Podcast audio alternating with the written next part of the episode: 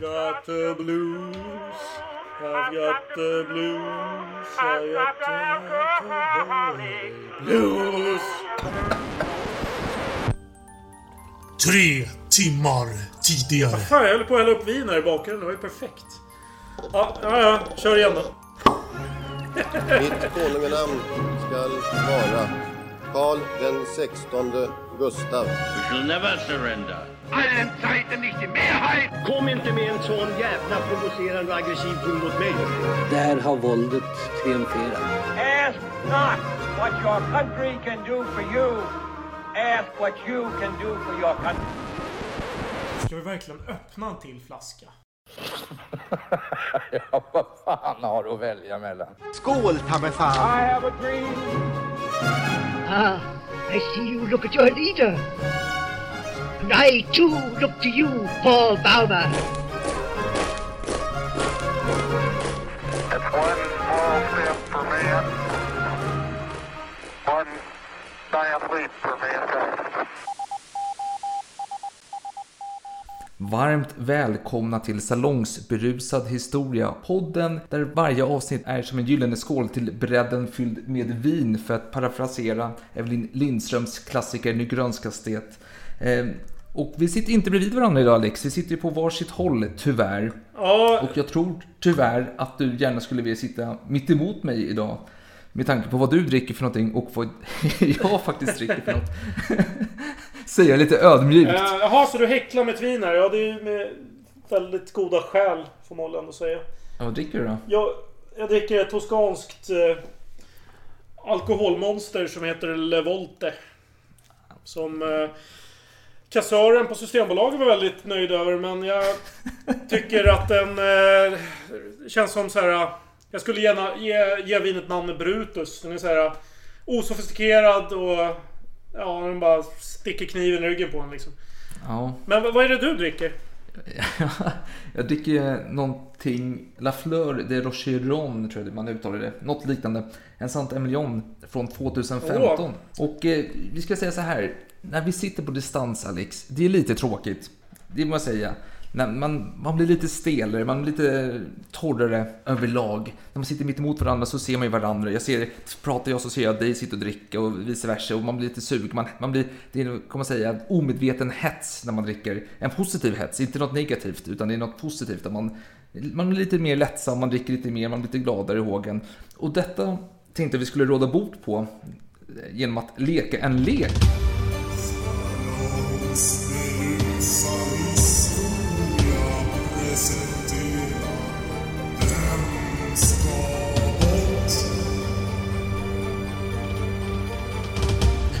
Va?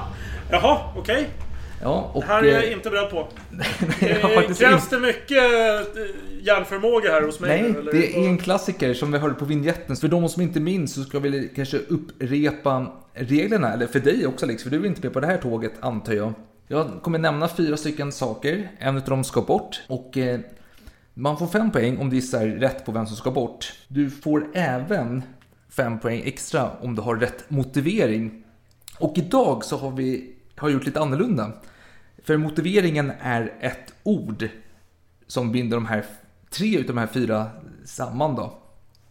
Eh, så man kan max få 10 poäng och det är först till 30 som gäller. Ja, men eh, vadå? Så du drar igång en ny eh, lekserie här helt enkelt? Är det det du gör? Ja, ja, Alright. Okay. Ja, ja. Och det är ett, eh, första omgången nu då och du drar någonting för mig här. Så får jag en chans att få, vad var det, 10 poäng sa du det?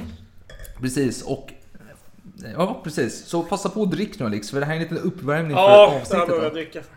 Ja. Ja, jag behöver definitivt Okej. dricka för det här. Okej, är du beredd då? Ja, kör. Först ut är, är den andra defenstrationen i Prag 1618. Nummer två är Ludvig den nionde av Frankrike. Nummer tre är Axel Fredrik Cederholm. Ganska okänd person, men han är operasångare, konstnär, skådespelare på 1800-talet. Då.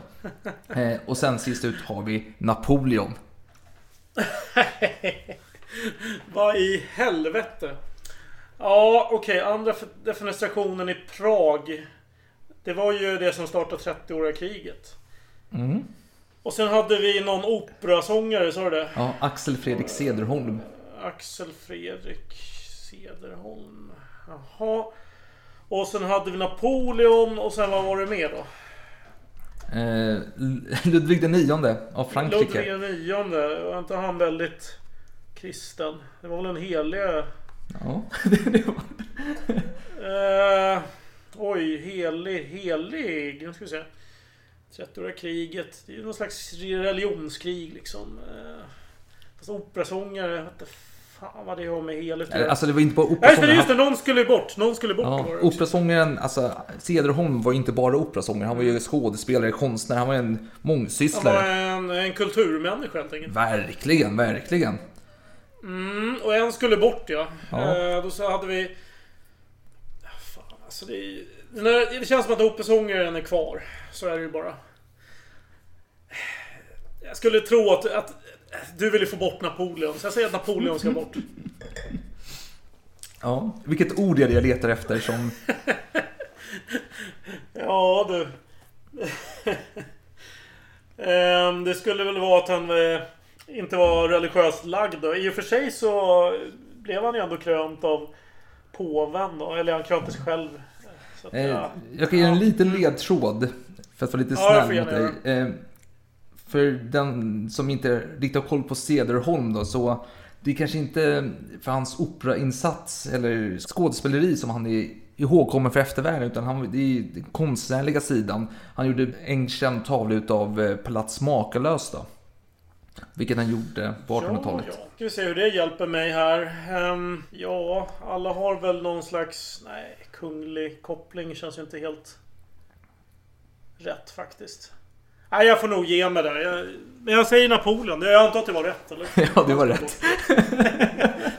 Får, vad får jag då? Fem poäng, eller? Fem poäng får du. Grattis, grattis. Bra, bra jobbat. Ja, tack, tack. Nu får du förklara dig. Ja men absolut. Eh, om vi börjar med den andra defenstrationen i Prag 1618. Som då var, att, eh, som du sa, startskottet på 30-åriga kriget. Då protestanter under ledning av von Thorn eh, kastade ut kejsarens representanter ur fönstret på Pragslottet, eller borgen då.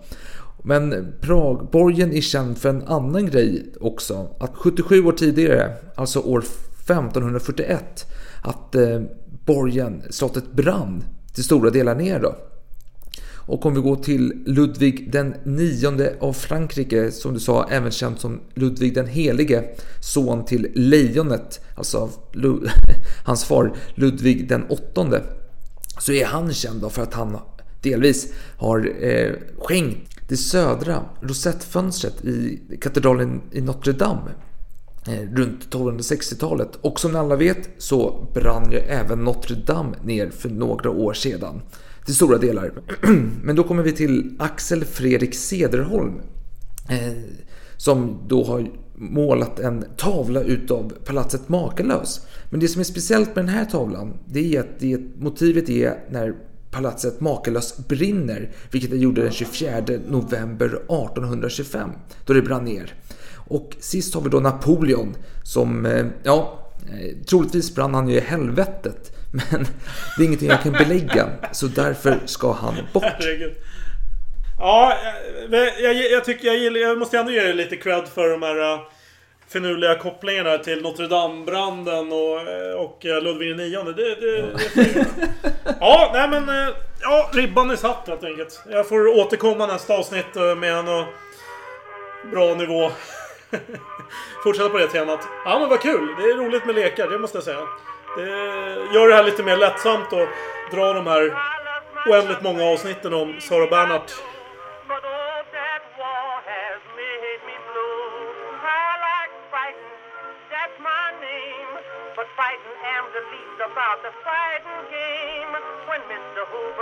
Cut my dinner down, I never even hesitate, I never frown. Liksom, jag tror att vi var lite, lite för snabba i föregående avsnitt när vi avslutade. För vi avslutade med att hon hade kommit in på den här skolan, teaterskolan. Men så enkelt var det inte. För att Sara var då nästan 16 år när hon skulle göra sitt intagningsprov då till den här skolan.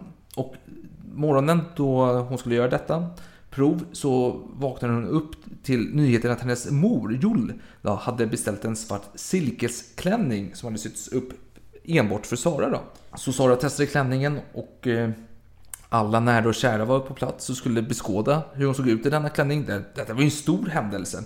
Så um, de snurrade på henne fram och tillbaka och hon fick snurra runt i flera varv som blev yr i huvudet. Och till slut så fastnade hon i någon liten trästicka på någon stol eller något liknande. Hon, hon reste sig väldigt hastigt tror jag från stolen och så... Ja, och då Slet slet sig själva så. den här klänningen upp då. Och mamman suckade och tittade på skräddaren då. Och sa så vad fan. Jag sa ju att jag visste att den skulle gå sönder. Jag sa ju det att du gör dåliga saker. Eh, och han, han- försvarade sig. Den här skräddaren som en holländare. Han var jude men inte ful för att citera Sara då. Eh, men han förklarade Frågan är om han ens var skräddare eller om han var en handelsman som liksom Ja, men- langade Ja, kläder. men I detta fall var han en skräddare. Då han hade det var han som gjorde det alltså? Ja, precis. Och, och han sa ju det här, men fan det här är ju sämre silke, vilket du vet Joel, eftersom att du betalade så lite pengar för den. Så det är inte så Var konstigt. det inte bara, var det inte bara dåligt skräddat eller var det så här dåligt? Nej, men det var ju Var det andra, andrahandssorteringen. Det är ungefär som du dricker den här champagnen, vad heter den? Den här tredje pressningen, Massé eller vad fan heter. Ja, Massé, ja, precis. Okej, vi, vi säger det. Vi säger det. Vi ska inte fastna vid den detaljen. Den detaljen. Men i alla fall, han fixade till den och eh, så sydde ihop den och då visste ju Sara att nu måste jag vara försiktig med den här klänningen. Men han var ju inte bara skräddare. Som du sa, han var handelsman. Han hade många strängar på sin lya. Han gjorde någon sån här Han skulle post... bli juvelerare senare. Ja, precis. Han gjorde påskkakor, han gjorde vaxdukar, han hade gjort alla de här franska kungarna och så medaljonger på sidan. Det var så Sara lärde sig den franska kungahistorien enligt henne själv då. Han, var- han var som en vandrande så här, julaaffär kan man säga. Ja, precis. Ungefär. Och eh, Sara, hon skulle i alla fall iväg till den här skolan och göra sitt inträdningsprov. Och eh, när hon kom fram, hennes mor följde ju inte med, hennes mor följde ju aldrig med, utan istället hade hon med sig, jag vet inte vad hon hade för roll egentligen, den här kvinnan som var med Sara. Har du någon, är det någon, kan man säga, hembiträde kanske eller? Hon bodde i alla fall Hushållerska skulle jag säga. Vi, ja. vi, kan, vi kan väl säga det. Det är väl ett bra Ja. epitet. Ja. Och hon hette då Gerard. Och hon, eh, hon var ju runt eh, 30-årsåldern och hade en man som var runt 60. Ja, Någonting. och även barn Ja. hade hon också. Eh, Ja. Men i alla fall, hon följde med Sara hit. Och när de kom in dit så stod själva rummet där alla såg och väntade fullt med aspiranter som ville komma in på den här skolan. Och alla såg och övade på sina dialoger med en motpart. Då. Ja, eh, det var, var runt 20 unga damer och 15 unga män. Ja. Faktiskt. Och de var där med sina föräldrar. Ja, Nu eh, gick Sara fram då till den här mannen som eh, skrev ner vad alla skulle göra. Och eh, frågade Vem ska ge dig replikerna? För då var det underförstått att det fanns en massa ja, män som skulle ge repliker till de här kandidaterna. precis. Och då svarade hon Ingen. Jag känner inte de här männen. Jaha, då suckade han lite grann så här. Jaha, nähä, vad ska du recitera då? Och då svarade Sara En fabel. Och den heter Två duvor. Då börjar den här mannen gapskratta.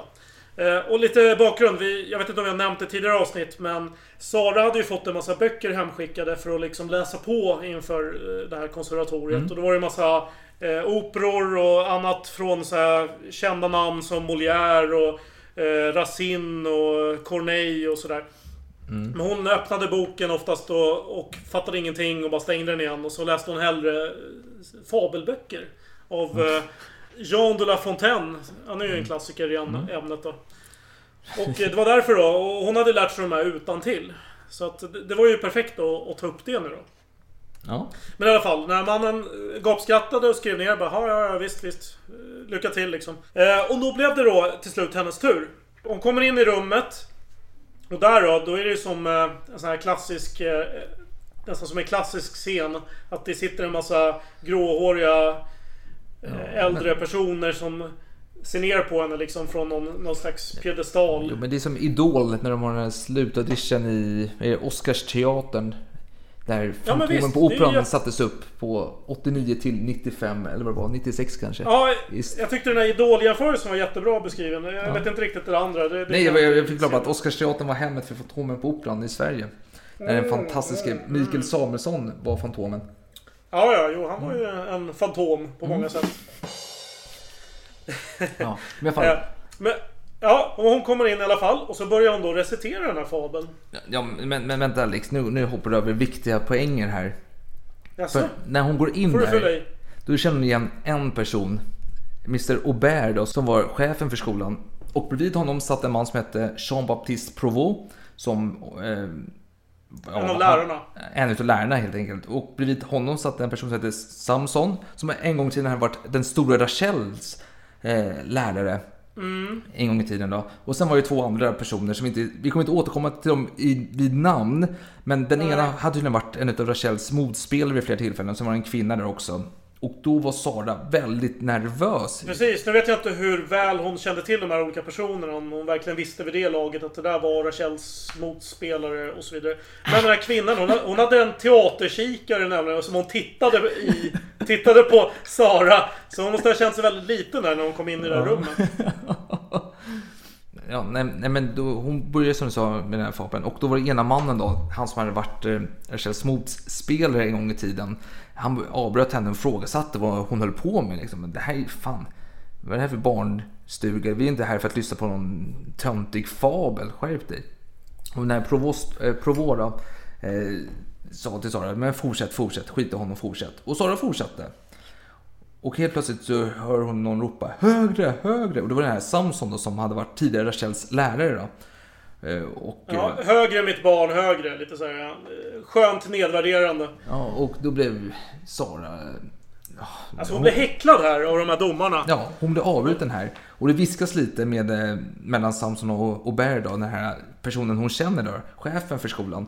Och till slut så bad de Sara börja om från början. Och då gör- gör Sara det. Hon börjar om från början och då börjar den här kvinnan ropa. Nej men inte från början, då blir vi kvar hela kvällen, det här kommer ta hur lång tid som helst. Och då börjar alla skratta jättehögt där och förnedrar Sara. Och Sara blir arg här. Men hon är inte den som viker ner sig, det är inte så att hon känner sig nedslagen här utan hon tar tid att kraftsamla, för hon var ju nervös. Hon kände att hennes röst inte flög som den borde och så vidare. Så nu tog hon tid på sig att samla alla krafter.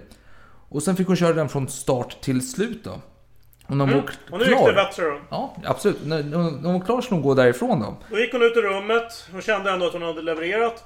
Och då kommer den här Aubert, den här direktören för hela konservatoriet. Och säger så här.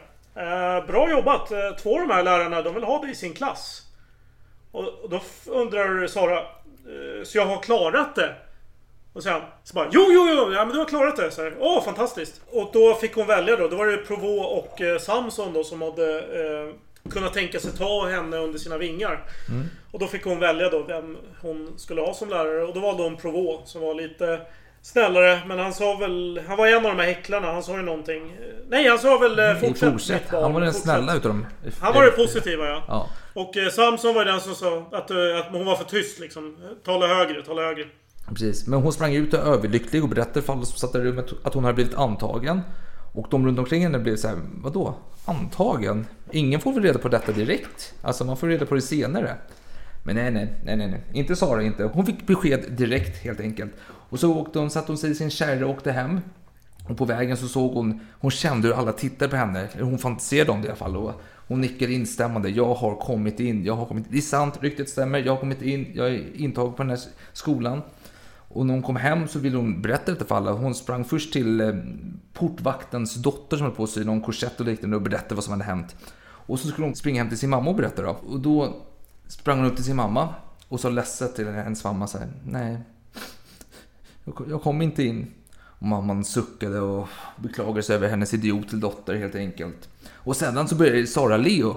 Nej, jag, det stämmer inte. Jag kom visst in, jag kom visst in. Och, och mamman blev jätteglad och började krama henne. Och Saras systrar kom ner och började dansa. Och hennes gudfar Reggie kom in och började klappa händerna och skratta stort och så vidare. Men så var det inte. Så gick det inte till. Eller Sara ville att det skulle gå till sådär. Hon hade fantiserat att det skulle gå till sådär. På vägen hem hade hon gjort upp den här scenen. Så här skulle det gå till. Men medan hon hade berättat för den här husportens dotter att hon hade kommit in. Då hade hennes, den här, eh, vad sa vi, hembiträdet. Hushållerskan eh. Hushållerskan. Stått på gården och ropat upp till mamman och berättat att Sara kom in helt enkelt.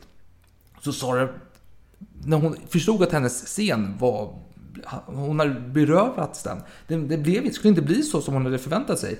Då slog hon till eh, sin eh, hushållerska i ryggen då och grät och var jättearg. Klassisk Sara-utbrott helt enkelt. Och så hon sprang upp till mamma och eh, grät och mamman sa ja, jag, varför är du så jävla ledsen för liksom? Hon bara, nej men jag skulle berätta det själv och nu gjorde hon det istället. Och då kom de överens att vi gör om detta på nytt. Så Sara gick ut, de stängde dörren. Omtagning. Ja, omtagning. Helt rätt. Så hon knackade på dörren, mamman öppnade och hon spelade ledsen och sa att hon inte hade kommit in och sen förklarade hon vad som hade hänt och mamman blev glad och allt möjligt. Allt blev nästan som i hennes fantasi. Till och med hennes lilla syster kom in och började dansa en jive eller vad fan vad det heter. Som hon hade lärt sig någonstans. Högst oklart. Hon, Alltså den systern är ju väldigt konstig då enligt eh, Sara själv. För hon var runt sex år. Var lite kraftig och gjorde konstiga danser samtidigt som hon var helt uttryckslös i ansiktet. Hon log aldrig. Så jävligt konstig figur alltså. Ja, och, och hon tackade ingen för att hon hade kommit in. Hon har gjort detta helt på egen hand. Förutom den här faktum då att eh, Dr. Morny då hade sagt till Aubert då att ta hand om Sara. Så man får väl, miss, man får väl tro att eh, Napoleon den tredjes illegitima bror hade, hade övertalat då, chefen på skolan, att, eller rektorn blir det på skolan, att ta in Sara. Men framtiden visar det, de har rätt. Hon blev ju en stor stjärna till slut. Men det var hon inte här och då. Nej, eh, men just de här, att det här temperamentet som hon gör, eh, visar prov på flera gånger. Hon, hon slåss och, och arg och sådär. Det Mm. finns ju många berättelser om, eh, som, som visar att hon var lite av en, vad ska man kalla det, en krutdurk. Till exempel den här systern som vi pratade om tidigare. Ja, vid något tillfälle så hade Sara varit på plats då vid teatern och eh, varit där med sin syster. Och eh, pratat med en av hennes favoriter på teatern. Kan- Det var nog en chef tror jag. Då hade systern avslöjat att en av mostrarna hade trashtalkat den här personen. Och då blev Sara förnärmad och, och helt upprörd för att hon fick panik. Så hon slet ut systern, drog med henne in i någon droska då. Och så misshandlade hon systern i droskan. Eh, väldigt våldsamt för hon, hon ville verkligen inte liksom... Eh, hon ville ha en bra relation med den här personen i, i teatern. Då. Ja, jo. Så eh, extrema känsloutbrott får man säga. Det finns många fler exempel. Jag tror att vi kommer återkomma till det. Men Jo. det här var ett, ett av exemplen i alla fall. Absolut. Men hon kommer in på sk- skolan i alla fall. Hon börjar läsa en massa klassiker. Hon börjar bli en liten bokmal till slut. Hon missar inte en, en endaste lektion. Nej, det här var ju, blev ju intressant för henne. Hon hade ju liksom eh, blivit intresserad av ämnet. De här lektionerna, det var ju, hon hade ju lite olika syn på dem. Det fanns ju ett ämne som hette eh, lektioner i hållning. Och då var det en eh, Harry Lee, en man med en käpp som inte låter eleverna prata när de uppträder. De ska bara gå på tå. Och så ska de lämna scenen med olika känslouttryck. Liksom, eh, ja men nu ska du vara obrydd och så ska du lämna scenen. Eller nu ska du vara värdig och lämna scenen. Eller nu ska du vara arg och lämna scenen. Och allt är i looken, i gesterna, i attityden. Och sen hetsar han väldigt mycket om att, nej men, det här, du ska sätta dig på ett värdigt sätt. Du ska, assietten. Och, eh, jag, alltså, jag läser ju det som en tallriken va? men det, det, kan väl, det handlar väl också att... Hållning. Ja, att, att sätta sig ner. ass- Ja, det, det har ju med det att göra. Eh, och det här tyckte hon var bedrövligt dumt, eh, Sara. Hon tyckte att det var ett vansinnigt korkat ämne. Hon var väldigt nöjd över att få höra att de lade ner hela konceptet senare. Jo, hon sa ju att hon det tog många år för henne att försöka ignorera allting hon, hon hade lärt sig under de här lektionerna. Och det ska ju nämnas är att Sara menar då att du måste anpassa dina gester och dina rörelser efter din kropp. Går du, är du lång så går du på ett visst sätt, är du mindre går du på ett annat sätt, är du kraftig går du på ett sätt och du kan inte ha korta armar dessutom om du ska göra fina gester med kroppen. Det funkar inte, du måste ha Nej, långa nej. armar. Och hon är väldigt mån om att försöka tolka karaktärerna på ett riktigt och sant sätt. Hon försöker, när hon läser de här böckerna om alla pjäser så försöker hon hitta författarens intention med karaktärerna. Och hon försöker även, hon är mån om att tolka karaktärerna efter modern forskning, alltså på den här tiden modern forskning. Men hon insåg sen med tiden att folk vill ju se legendbilden. Hon pratar om Jeanne d'Arc till exempel, att folk vill inte se den här um, någon promiskuös eh, bondflicka sitter och drar massa grova skämt bland soldaterna. Utan de vill se den här eh, tunnarmade, vet du, eh, Änglalika varelsen som knappt kan hålla en sköld liksom. Precis, som, som håller upp den här stora fanan med hjälp av Guds armar och så vidare. Liksom. Utan Man vill se den här legendbilden, hon pratar om mycket om legender. Och, så där får hon ju backa till slut. Då, men För att eh, publiken gillar inte de här tolkningarna. De vill se karikatyren. Du får mena att eh, folk, alltså även om forskning ger en annan bild så har den här legendbilden satt sig och det är den folk Mm. vill se. Men vad gör du mer i skolan Alex? Ja, jag tänkte att vi skulle gå in lite på fäktlektioner också. Ja, det måste man göra. När man går i var- teaterskola. Ja, precis. För det var någonting som hennes moster Rosin hade föreslagit för Saras mor. Mm. Att, eh, ja men det är klart, hon ska ju börja fäktas också. Jag vet inte om hon kanske hade antytt att eh, Sara var lite tunn och behövde få lite muskler eller någonting. Jag vet inte riktigt. Ja. Det här är mina spekulationer. Men i alla fall. Då var det så att hon hade en lektion i veckan hos fäktmästaren Pon. Pon. Ja, Pons. Om vi ska köra svenskt uttryck. Här får man lite Game of Thrones-vibbar här med den här Bravos eh, fäktläraren. Lite så här excentrisk och lite sydländsk och, och sådär. Eh, den här killen var ju lite excentrisk får man ju säga. Ja. Eh, kan jag börja med att bara säga att han var brutal och oförskämd och kallade henne för en brat. Och han hade alltid hatten på, vilket förfärade den här, eh, en av hennes hushållerskor. Den här, eh, hon skäggiga damen här, hon som hade lite mustasch. Ja, Eh, den det är en äldre- annan... Inte hon som var Ja. ihop med en sexårig man och var 30 själv. Nej, precis. Inte- inte Det hon, fanns en nej. annan, Margareta Ja. eller något sånt hette hon, som var äldre det, då. Dö, Döbra Bender, ja, Ja. precis. I alla fall. Eh, han, han rökte cigarr eh, hela tiden. Så att eleverna som han hade, de började hosta. För att de var ju dels så var de ju utarbetade av att fäktas. Så de behövde chippa efter andan. Och sen rökte han dessutom, bolmade sina cigarrer. och dessutom hade han gärna dit eh, sina bekanta då, som kunde roa sig åt och skratta åt eleverna och, och liksom satt på bänken. Eh, och då hade någon av de här åskådarna vid något tillfälle sagt någonting olämpligt om en av de här manliga studenterna då till, till Pont. Eh, någon som heter Chatelain, det är i och för sig helt ointressant. Eh, och, och, så att den här eleven då, han blev så arg så han vände sig om och gav eh, den här eh, åskådaren ett slag i ansiktet. Och då blev det fullständig kalabalik här. Och det slutade med att även fäktmästaren fick sig någon smäll. Och eh, efter den här episoden då, så var det förbjudet med besökare egentligen på de här lektionerna.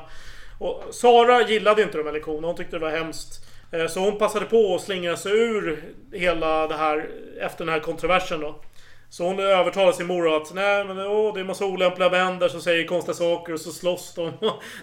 Man kan ju tänka sig att, att eh, modern då var mer villig att eh, liksom acceptera att hon slutar fäktas när, när det händer sådana här saker. Absolut, absolut. Nej men, men det intrycket jag får när jag läser hennes biografi det är att den här eh, läraren, Provora, att han är en- någon form av en favoritlärare. Han är alltid mild och snäll och återkommer senare i hennes historia också. Har du en annan bild eller? Eh, Provo är väl en av favorit. Alltså det finns ju andra som hon uttrycker större värme för. Men eh, han är absolut ingen nemesis. Nej. Kan man säga. Men... Han är, han är en positiv bikaraktär. Ja, men det finns andra historier än hennes biografi då. Och en berättar en historia om en medstudent som även ryktades vara eh, hennes älskare en period under denna tid. Då. Och eh, den här personen berättar då, han berättar hur Provora hade svårt för Sara och ansåg henne vara väldigt självcentrerad. Och han skulle coacha henne i en Molière, nej Voltaire-pjäs var det faktiskt. Eh, och, då, och han fick rätta henne i allting och jag tror att citatet den här personen använde var någonting om att han gjorde allt med henne förutom att slå henne. För att rätta till allting. Nej. Och eh, när lektionen var slut då, så, så klappade han till slut händerna när Provora och sa Detta är en roll du måste komma ihåg. Att aldrig spela. Oj, men det här är ju jättespännande hur, han kan, eh, hur Sara kan vara så positiv i sin självbiografi för den här mannen. När sanningen kanske då är någonting Kanske, helt det är ju- annorlunda. Kan det det- vara politiska skäl? Kan det vara bara att tillrättalägga historien liksom? Ja, vet? det finns, för det finns det här, vi får inte glömma att Sara blev en stor stjärna eh, senare. Och då dyker ju upp de här personerna som skriver, som kände henne under den här tiden och skriver massa historier om henne under den tiden, när hon var yngre, som är svåra att belägga dessutom. Eh, och en utav de här personerna var Marie Colombier som skrev, det här handlar mer, det jag ska säga nu, det handlar mer om den sexuella spänningen som fanns under den eh, korrekta fasaden på skolan.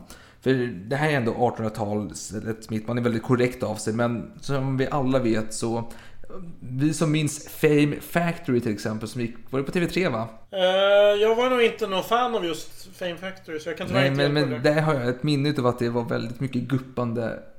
Eh, Ja, vänta du, tänker inte på Fame, den här serien? Var Nej, en den var skitbra ja. Fame-serien ja. Bruno var en Ja, favorit det- alltså. Jag gillade Bruno. Nej men det här var ju Ja. Fame Factory. Det var väl Bert Karlsson som hade någon sån här skit på Ja, trean. det var det säkert, ja. Där de eh, Ja.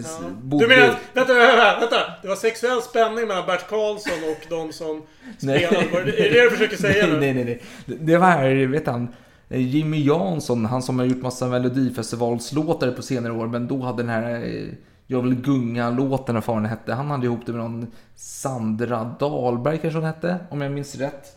Eh, Men det var i alla fall, eh, skitsamma, det som gick ut på var att det var flera, flera artister, blivande artister, eller aspirerande artister som bodde då i någon studiolokal och så hade de spelade de in sina låtar och uppträdde varje vecka så åkte, röstades någon ut då, allt eftersom. Eh, men skitsamma. Det är lite... Men du, du hade någonting med sexuell spänning. Precis, det, det, det är dit vi ska komma. Det är dit vi ska komma. Eh, för, Men, du tyck, men, men din anekdot där, var det någon, var det någon koppling där dit eller? vadå min Eh, anekdot? Fame Factory, vad Jag, var nej, men jag får mig att...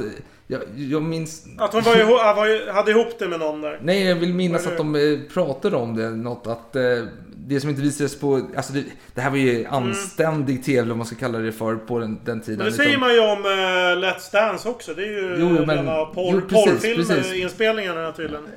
Bakom kulisserna. Nej men det var Bakom tydligen att Factory, jag har för mig att det var någonting att det, det ryktades i alla fall om att det var mycket eh, sexuella, vad säger man, relationer mellan deltagarna. Undertoner. Som in, Aha, men det visades ju inte på tv såklart, inte Big Brother eller Paradise Hotel och så, Mm. utan det var ju, men bakom kulisserna så skedde det ganska mycket tydligen. Men jag vet inte, skitsamma. Det var som OS helt enkelt för Ja, precis.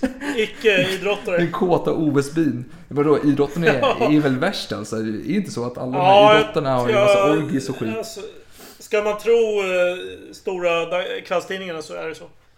Absolut, men Men, Marie... eh, vi ska inte fördjupa oss i skvaller nu. Nu får vi faktiskt gå tillbaka Låt till... mig återgå till eh, Marie Colombier då, som beskriver Ja. skolan.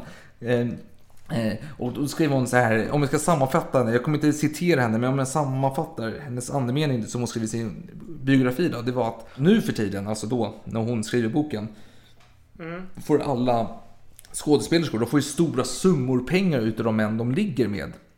Men förr, när hon var aktiv, när Sara var aktiv, då var det annorlunda. Då var, det, då var älskarna oftast äldre män med betydande roller i Napoleons tredjes hov eller samhälle eller elit, eller vad man ska kalla det för. Och de, de kunde med sin ställning hjälpa de här skådespelerskorna att få roller och Men- komma in på olika teatrar och skolor. Okej, en fråga här. Hur, vad är det för skillnad mellan Harvey Weinstein 1870 och Harvey Weinstein 1890? Jag ser inte riktigt... Det är äldre män som liksom Nej, men- fixar... eh, Men hon menar, alltså hon menar att när hon skrev boken, då var det männen går bara pengar. Det var that's it. Vi har sex, vi älskar dig, du får lite pengar till mig och så går man vidare. På förr i tiden, då, då hade de ju så betydande roll. De var äldre män, generaler och så vidare i samhället. De, hade högt, de var högt uppsatta. Du har Dr. Morny till Jaha, det var exempel. mindre upp... Ja, ja, du menar torskarna på 1890-talet var lite... Alltså de hade mindre pengar och mindre inflytande. Nej, men, det det mindre du pengar som inte, men de var inte lika uppsatta i samhället.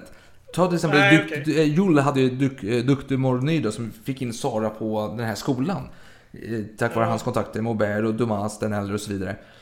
Ja. Men hade Sara kommit in 1870, 80, 90 som den här Marie beskriver, då hade det inte gått till så. Då hade hon bara fått lite pengar. Nej, nej, nej. Precis. Då, då hade du liksom... Bam, bam, thank you ma'am. Mer. Liksom. Okej, absolut. I- Innan dess så var det mer... Då var det att de tog lite ansvar. jag vet inte. Jag vet inte hur jag ska tolka det här. Alltså, jag vet inte vad du försöker få ut. Men Nej. okej, vi, vi kanske inte ska fördjupa oss för mycket i detta. Nej, nej, nej. Nej, nej, men det var bara en skillnad i... Eh, I torskarnas beteende. Ja, om du vill uttrycka det så, så absolut. Jag säger inte emot. Men eh, Jag ja, vill ju för- förenkla det hela.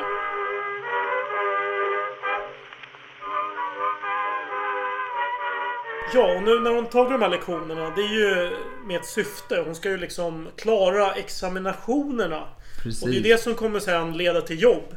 Eh, och som jag förstått det så var det två stycken examinationer. Och eh, om du har lust Adam så kanske du kan eh, berätta om det första. Ja, ja nej, men den första, ja, jag har inte så mycket att säga om den första utan Hon är taggad, hon är anspänd, hon gör skitbra ifrån sig.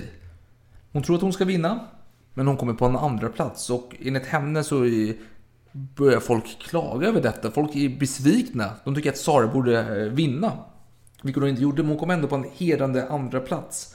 Eh, och då får den här historien du berättade tidigare eh, om hennes, när hon misshandlade sin syster i vagnen.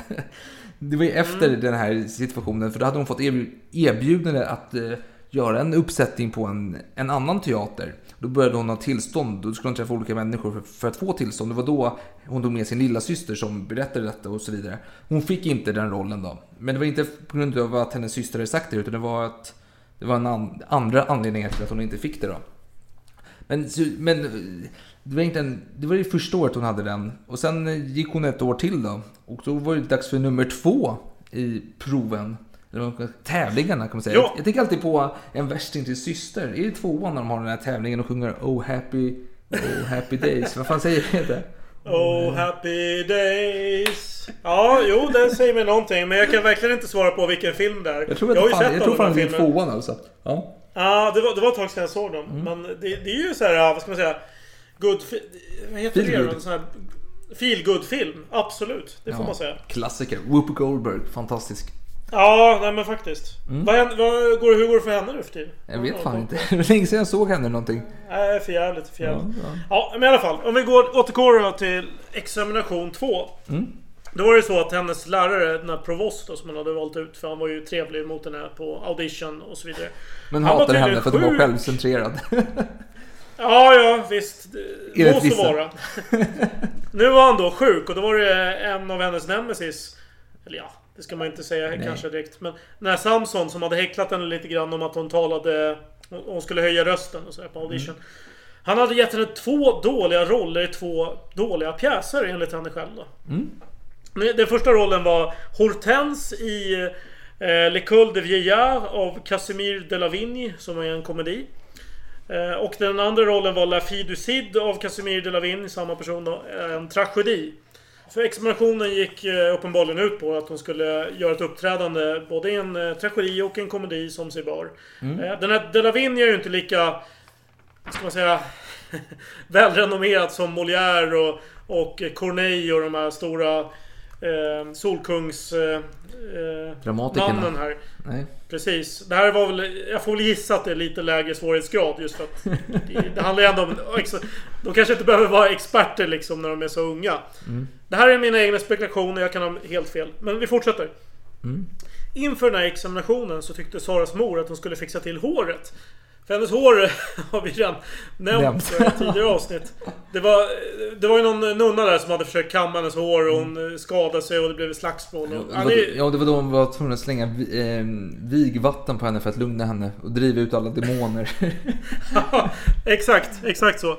Den här gången så hade hon ju besinnat sig lite grann, men hon hamnade i alla fall hos en frisör. Som Sara kallade Denne Figaro. Mm. Nu vet inte jag riktigt vad... Jag, jag är inte så här bevandrad inom eh, de här teatrarna och, och, och operor, så jag vet inte riktigt vad, vad Figaro har för karaktärsdrag. Så att det kanske är ett hån här. Jag gissar att det är det, men Jo. jag vet inte. Vi fortsätter. Eh, Den här Figaron då tyckte att man skulle kamma benor över hela hennes huvud. Och det här var ju en svår uppgift då med tanke på hennes hår. Mm. Och den här frisören, han, han kämpade i en och en halv timme och han suckade saker som Vilket hår! Herregud! Det är horribelt! Det är som en... eh, Nu översätter jag boxering. Eh, I biografin står det Just like tå. Jag vet Mm. inte hur jag ska ut, översätta det faktiskt. Ja, vi fortsätter. Det här skulle kunna vara håret hos en vit negress. Och då får man tänka att den här frisören inte var liksom politiskt korrekt. Alltså. Det här är ju 1800-talet. I alla fall, han fortsätter. Frisören vänder sig till hennes mor och föreslår att Nej men det, snälla kan vi inte raka bort allt, allt det här håret och sen behandlar vi det när det växer fram igen. Och, så här. och då hade modern typ så här halvt eh, liksom tittandes åt ett annat håll svarat så här, äh, får fundera på saken. Hon lyssnar inte riktigt. Hon är inte så intresserad där av Sara. Är- Sara. Nej, hon bryr sig inte så mycket. Hon, hon vill att eh, Sara får faktiskt lyckas här innan hon är värd någon uppmärksamhet. Mm. Det här är mina ord, men det är min tolkning. Ja. I alla fall. När modern svarade detta så höll fris- frisören på att avlocka hennes hår. För eh, han, eh, han tyckte det var så svårt att jobba med Saras hår så han försökte avlocka det för att sen fixa det åt något annat håll kanske. Eh, och när han sa det här med att raka bort håret, då börjar Sara vända sig om väldigt abrupt. Och då bränner den här frisören henne med den här locktången då. Mm. Tydligen så fick inte Sara, flippade inte Sara ur här, även om man kan tro att hon borde göra det. Eh, och han fortsätter att beklaga sig, vän till Saras mor. Den här frökens hår avstannar i växten av denna extrema lockighet. Alla flickorna från Tangier, och det är eh, i Marocko då. Alla flickor från Tangier och negresser har hår som det här.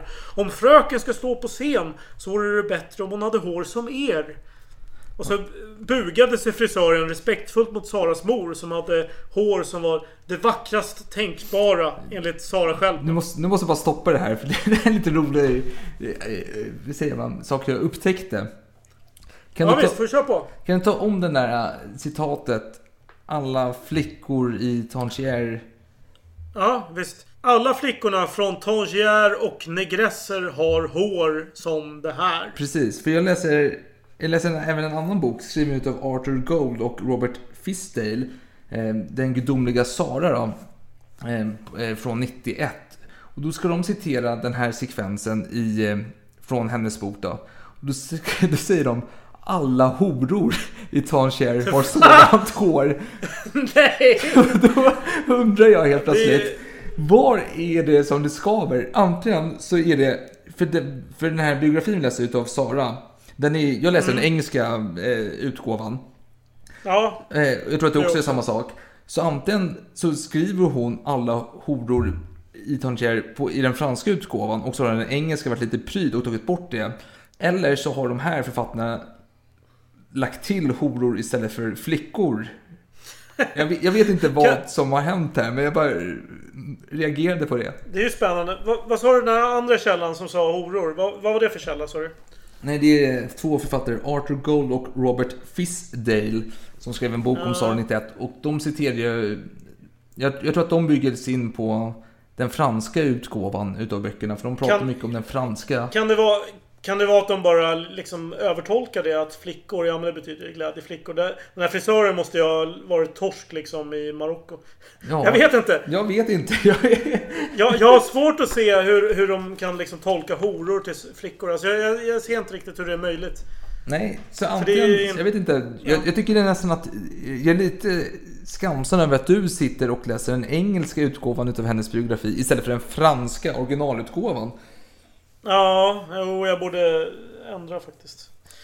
Jag Ja, jag får väl... eh, Jag får bättra på mig till nästa omgång. Jag får se om det ens finns tillgängligt Nej, men, men, som det, e-bok. det kan ju vara den här viskningsleken, en, en variant på den liksom. Att varje översättning så blir det någonting annorlunda och fel istället. Ja, Men, men jag, på, jag, jag, jag, jag känner eh, olust att föreslå det, men jag kanske borde liksom kolla upp det till nästa avsnitt. ja.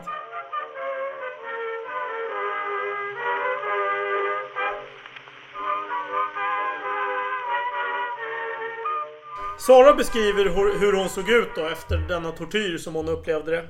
För det här var alltså en och en halv timme som när frisören höll på. Med hennes egna ord då. Mitt hår var draget hårt bakåt från mina tinningar. Mina öron var väldigt synliga och stod ut. På toppen av huvudet låg ett paket med små korvar arrangerade in till varandra så att det imiterade ett antikt diadem. Jag såg fullständigt förfärlig ut. Min panna, som annars brukade täckas av ett gyllene fluff av hår, såg gigantisk ut. Obeveklig. Jag kände inte igen mina ögon, då jag brukade vara van att ha dem skuggade av mitt hår. Och Sara fortsätter med att skriva om att hennes huvud vägde massor när frisören var klar. Då han väl hade stoppat in en massa...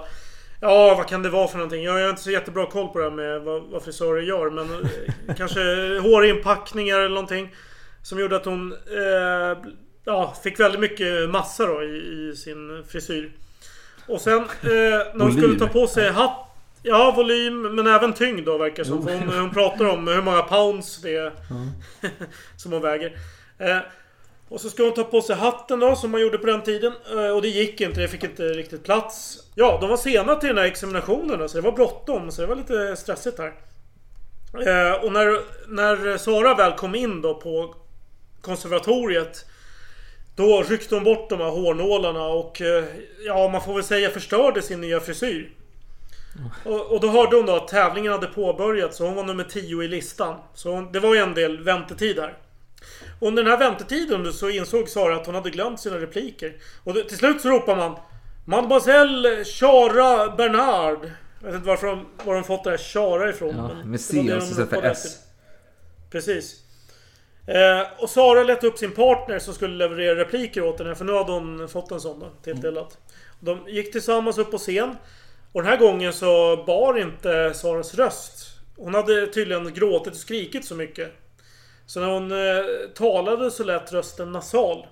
Och då hörde hon en röst, eh, en kvinnas röst säga Stackars barn, hon borde inte tillåtas att tävla. Hon har en hemsk förkylning. Hennes näsa rinner och hennes ansikte är uppsvullet.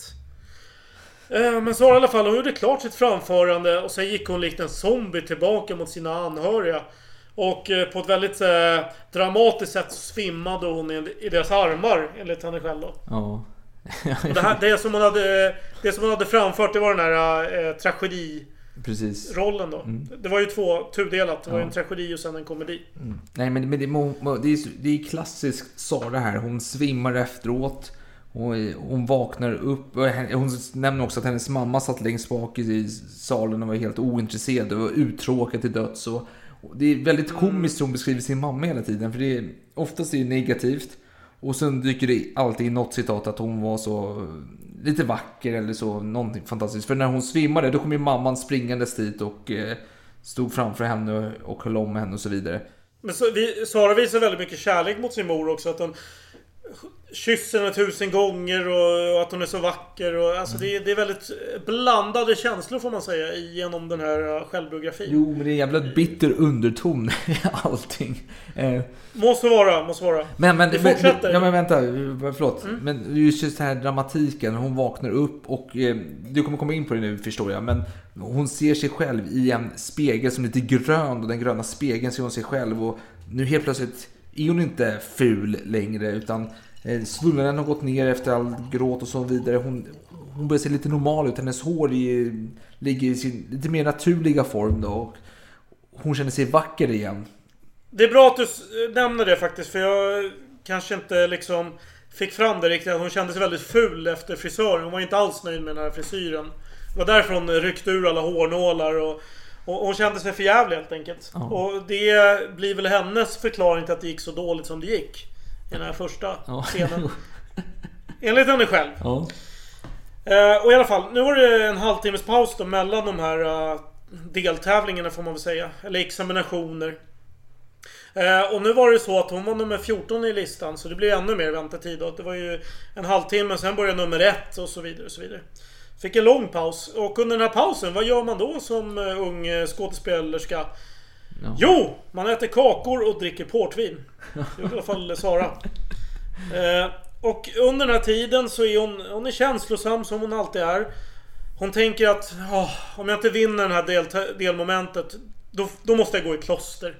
Och om jag går i kloster då, då kommer jag bli som den här, eh, vad var det vi kallade henne? Så här, moder... eh, Pre- prefekt. Moderprefekt. Jag kommer bli perfekt moderprefekt. Åh, och hennes tankebanor gick verkligen, det var verkligen svart eller vitt. Om hon skulle i kloster skulle hon bli bästa eh, modeprefekten någonsin.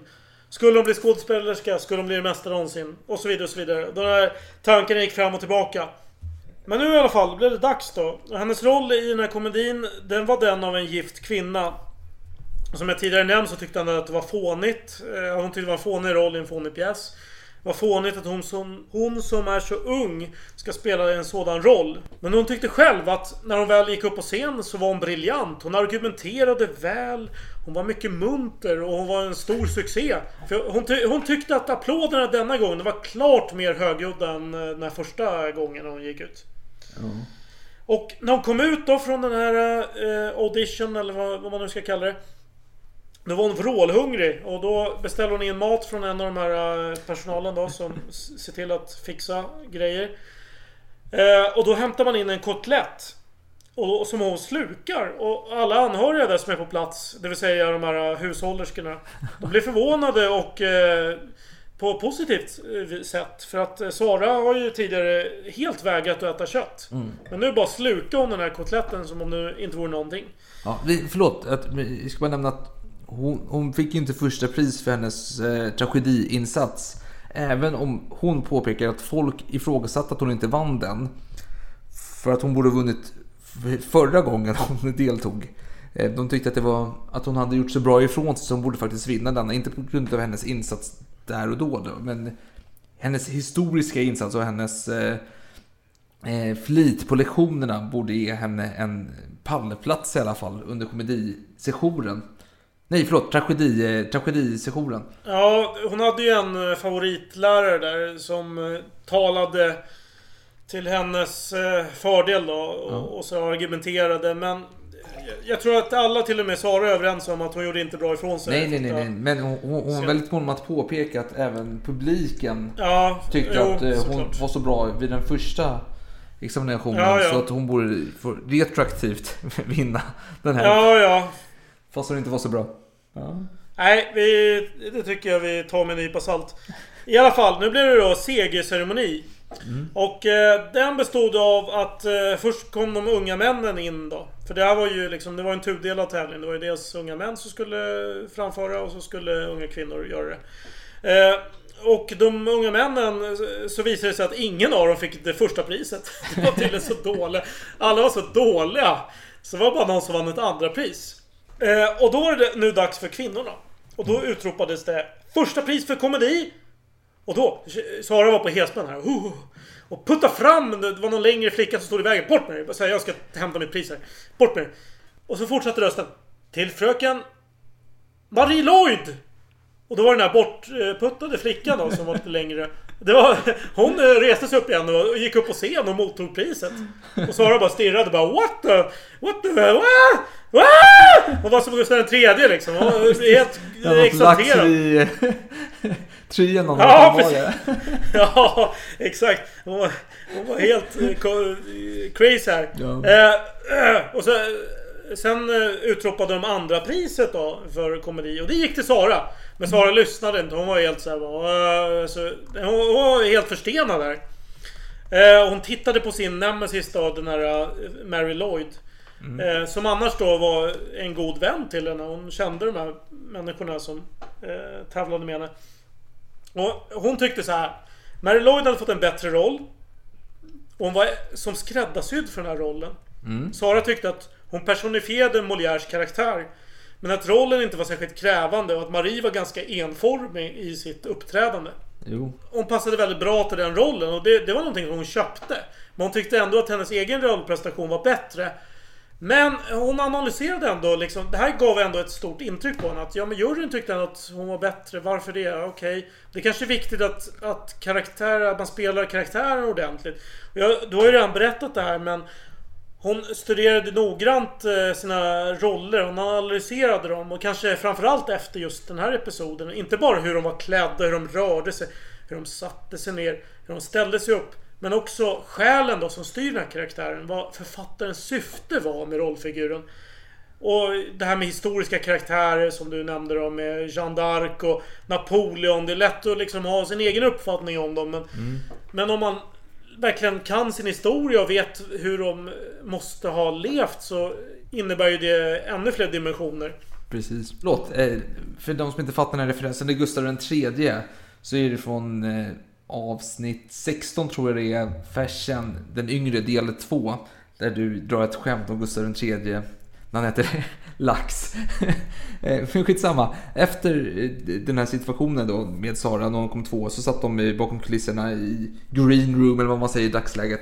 Och hon är bedrövad Sara, hon är ledsen och hon är arg, hon är besviken. Hon sitter i alla fall och gråter och är ledsen. Och då kommer den här Lloyd fram, hon som vann, hon kommer fram. Det är Saras vän faktiskt eh, i skolan, en av hennes bättre vänner i skolan. Och hon kommer fram och frågar "Vad- hur mår du, vad är det? Och Sara är jätteledsen. Nej, det är, nej, jag är ledsen. Men varför då? Så, nej, men det är orättvist att du vann. Jag borde ha vunnit, säger Sara. Ja. Ja, hon sa väl bara det är orättvist att du vann. Sa hon väl. Ja. Alltså enligt henne själv. Sa hon verkligen att jag borde ha vunnit? Sa hon verkligen det? Okej, hon sa inte att jag borde ha vunnit. Men hon sa så här faktiskt. Jag ville ha första priset och du fick det. Och det är inte rättvist. Ja, men då ger jag det faktiskt ganska mycket rätt. Det, Ja. det var väl tolkat, får jag säga. Alltså det är lite ocharmigt utav Sara kan jag tycka att lämna en sån kommentar. Men då Sara Lloyd säger ja, Jag vet inte om- det var rättvist eller inte, men jag kan försäkra dig om att det inte var mitt fel att jag vann. Alltså att jag, Nej, nej, nej. Ja. Och, och då, eftersom att eh, när Lloyd, då, hon är en fattig jäkel egentligen, och hon har ingen familj i Paris, så Sara säger men ska vi följa med mig hem och äta lite lunch då? Då sitter de i vagnen hem och de sitter och hånar alla andra deltagare. Och drar massa... Ja, pratar om hur de är feta. Alltså en klassisk eh, fashion roast egentligen. ja, jo, absolut, absolut. Och så kommer de hem då till Saras mamma Jolla och ska Det var en referens till fashion-avsnitten bara för Ja, övrigt. det är mycket fashion idag. Det är härligt, jag gillar det. Men vad händer hemma hos mamma Jol? För hon är inte ensam där. Jol, Jol är inte ensam utan hon är alltid Nej, Saras gudfar på besök. Regi, han är alltid där. Ja, han kom ju lite senare då, i visserligen. Men när han dök upp. Då la han sina händer på hennes axlar för han såg att oj, det här verkar inte ha gått bra. Titta på henne så sa han så här. Så, du var ett misslyckande. Varför envisas du nu med att vara på scen? Du är tunn och liten. Ditt ansikte är väl vackert nog på nära håll. Men det är fult på avstånd. Och din röst bär inte. Nej. Ja, han fick medhåll här från någon annan. Jag vet inte vem. Det- Du får fylla i er om du vet vem. Du ser, du duger inte. Eh, Så nu gör du bäst i att acceptera frieriet från nå- någon av de här rika odågorna. Har vi tagit upp det förresten? Har vi tagit upp de här rika odågorna som har jag jag får mig att jag till, nämnde det i eh, föregående Sara? avsnitt att det var en man som friade och sa att han skulle dö om hon inte gifte sig med honom. Vilket Det han var någon inte gjorde. spanjor, spansk eh, skräddare eller något sånt här. Tror jag. Eh, Precis. Bland annat. Men det var, det var många av dem. Det var, en del var ju ganska rika.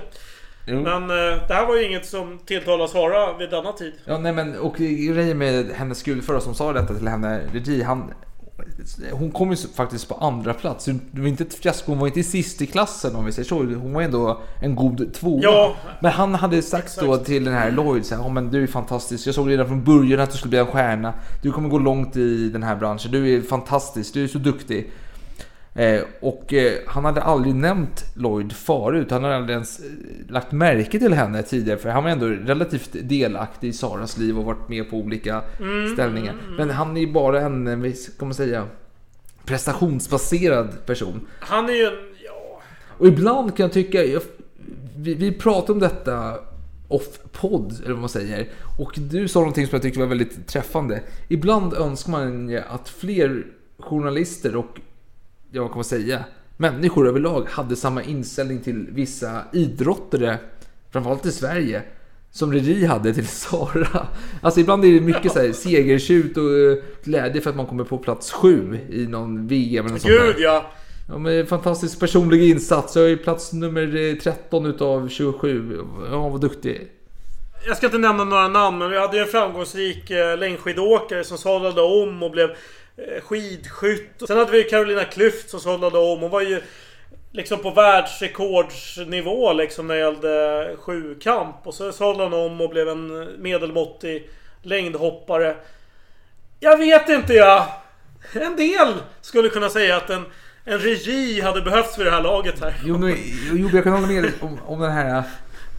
Det finns en, den här Will Ferrell-filmen. Vad fan heter den då? Ja, Talladega Nights eller vad den heter. När han säger är du inte etta så är du sist. Eller något liknande. Och det är lite, alltså man vill ha de här vinnarskallarna liksom. Peter Forsberg Ja. liksom, gjort fem poäng i en match och skitbesviken på sin insats för att han inte gjorde sex poäng. Den attityden. Eh, ja men i Ja. alla fall. Men det ska nämnas också under den här eh, situationen då när gudfar Regi, som även ryktes vara hennes pappa enligt vissa, eh, sa den här kommentaren, dräpande kommentaren till Sara.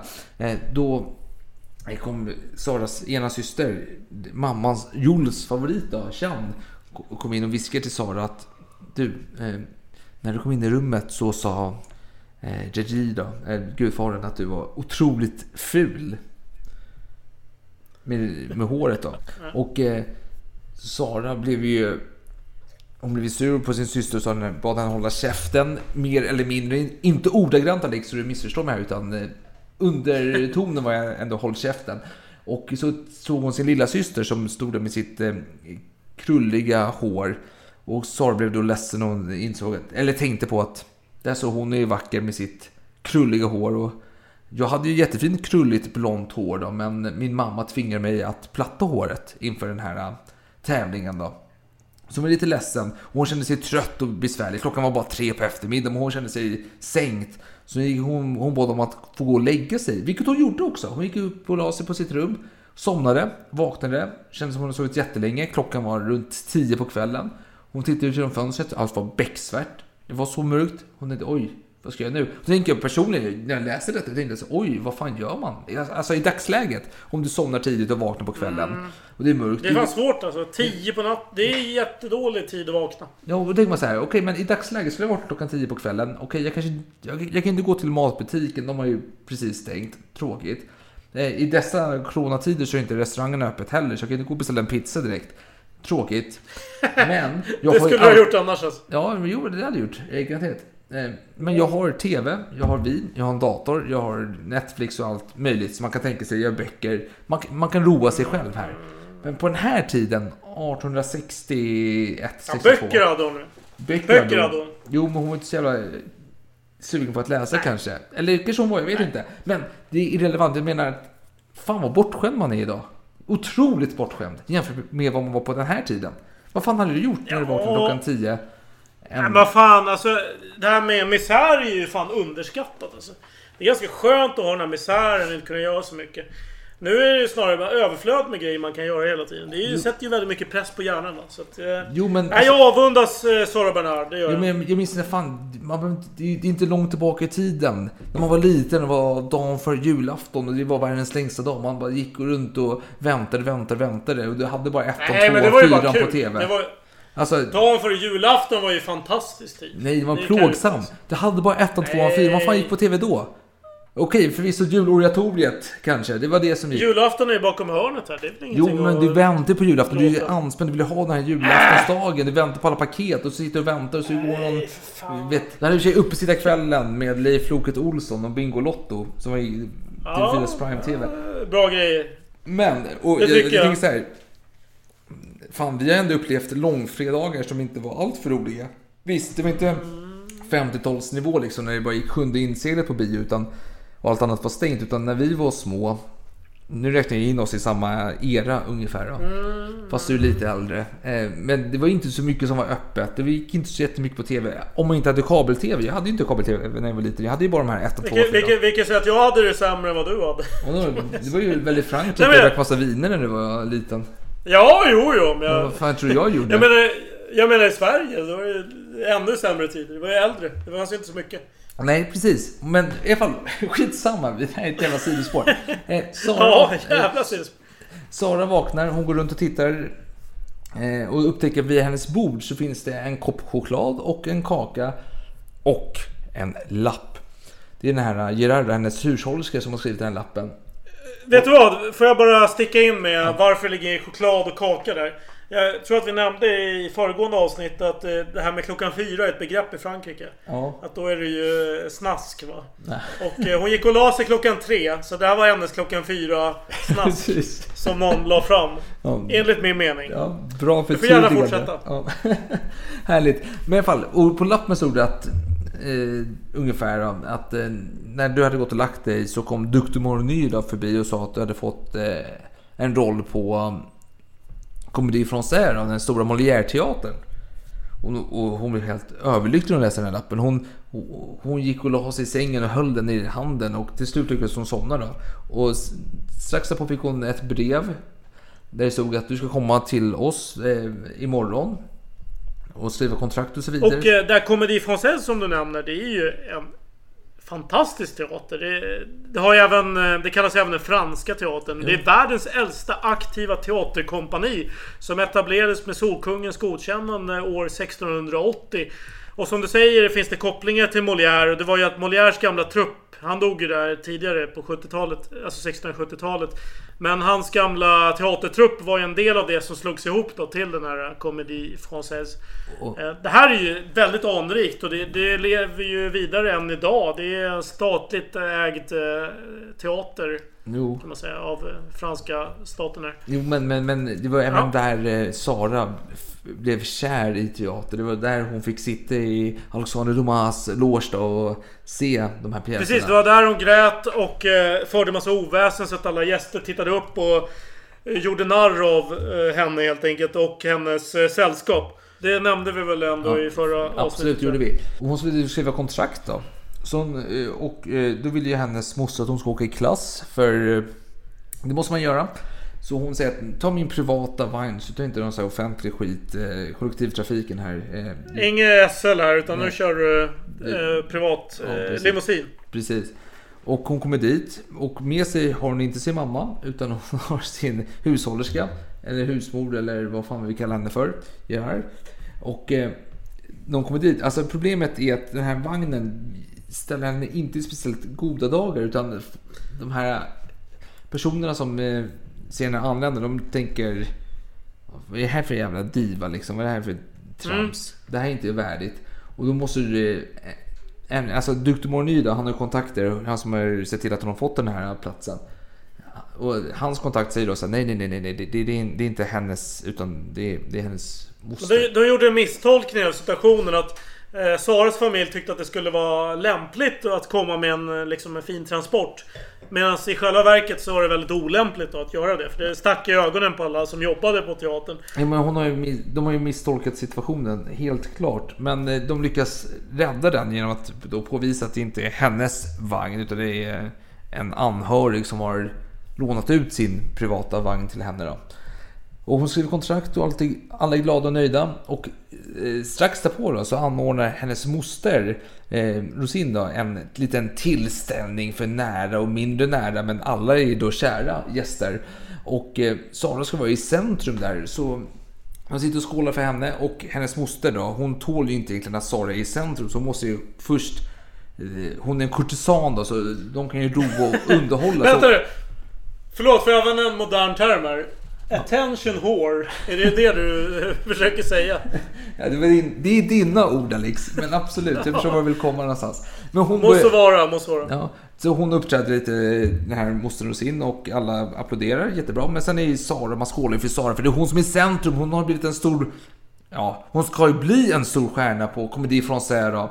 Och eh, eh, de omber henne att eh, recitera något, vilket, vilket hon gör då såklart.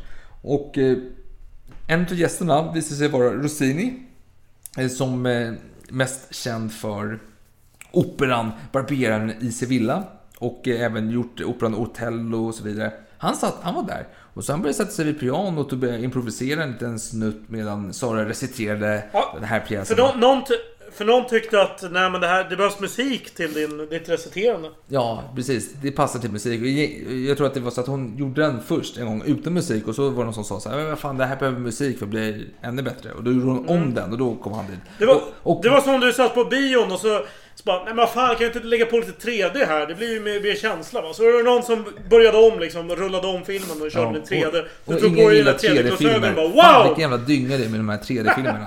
Bedrövligt. Ja, men i alla fall. Efteråt så kom hennes mamma fram och sa till Sara att detta, detta, detta var första gången i hennes liv som Sara hade berört henne. Gjort henne rörd helt enkelt. Och Sara sa då efteråt smått bittert att eh, ja, det var egentligen musiken utav Rossini som hade gjort henne berört hennes mor då. Och det är lite kul, du pratade om Figaro förut och han är en huvudkaraktären då i Barberen av Sevilla. Det var egentligen den första utav, I pjäsen var det väl den första utav de olika, men det var ju Mozart som sattes upp först, operan då. Men i alla fall. Eh, vet du vad Alex, jag tror vi avslutar och fortsätter om Saras resa i Comedy Française i nästa avsnitt. Så vi finns på Facebook, Instagram. Logga in dit så får ni se vad som sker där. Lite extra historier kanske sker, vem vet. Men tills vi hörs nästa gång om två veckor så säger vi skål till mig fan. Skål härifrån.